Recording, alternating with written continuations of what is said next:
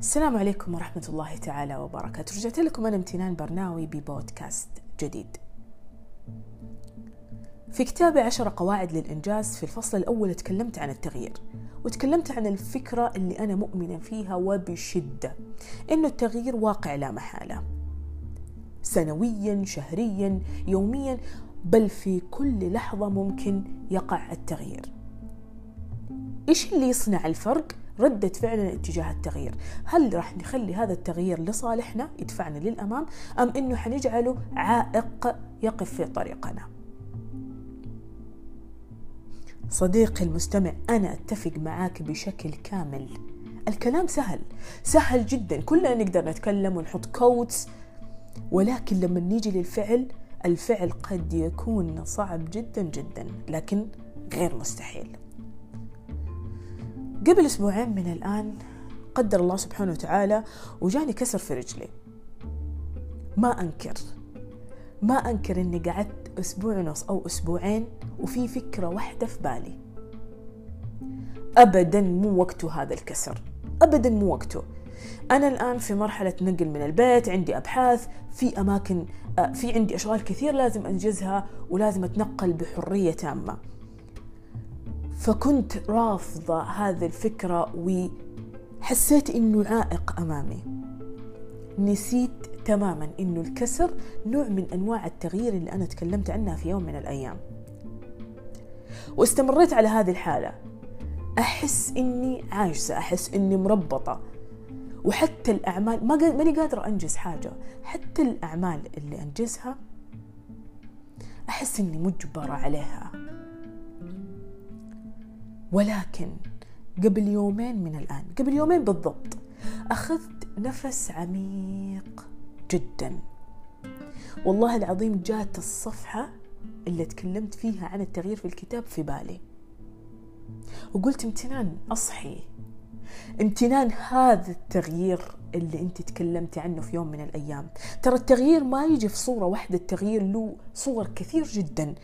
وهذا التغيير اللي تكلمتي عنه الآن فين دورك؟ فين قرارك؟ هنا وقتها؟ اتخذت القرار إني أنا أخلي هذا التغيير لصالحي. طيب إيش اللي سويته؟ قلت في كل الأحوال أنا حكون مضطرة إني أنا أجلس في البيت وآخذ آخذ فترة راحة ونقاهة. طيب ليش ما أستغل هذه الفرصة؟ وفعلا عندي شغف في في جانب التصوير الفوتوغرافي. اتفرجت في فيديوهات عدد كبير جدا سجلت في course online يعلمني مهارات التصوير الفوتوغرافي وحسنت من مهاراتي في التصوير سواء باستخدام الجوال أو بالكاميرا الاحترافية. بعد كذا قلت مو المفروض أنا أوقف هنا وبس خلاص تعلمت كم مهارة في التصوير ممتازة جدا مو المفروض أوقف هنا. حاسه بملل بسيط أبغى أجرب حاجة جديدة.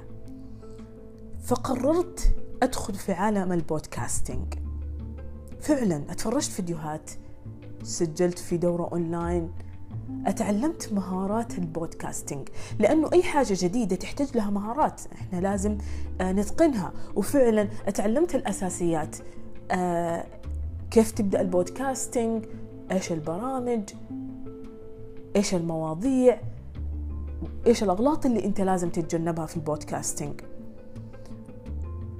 مباشرة حملت التطبيق وسجلت أول بودكاست ونشرته من غير أي نقطة تفكير أو تراجع.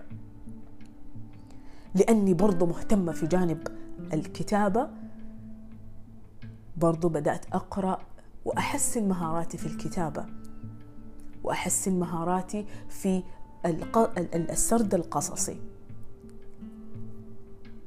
والحمد لله الحمد لله الحمد لله الحمد لله إنه جاتني الفرصة أثبت فعلا لنفسي إنه التغيير حاصل لا محالة وإنه أنا بردة فعلي أقدر أوجه هذا التغيير إما لصالحي وإما عائق أمامي. مو بس كذا. الحمد لله رب العالمين إنه كشف الغباشة عن وجهي وشال التفكير السيء اللي كان في بالي.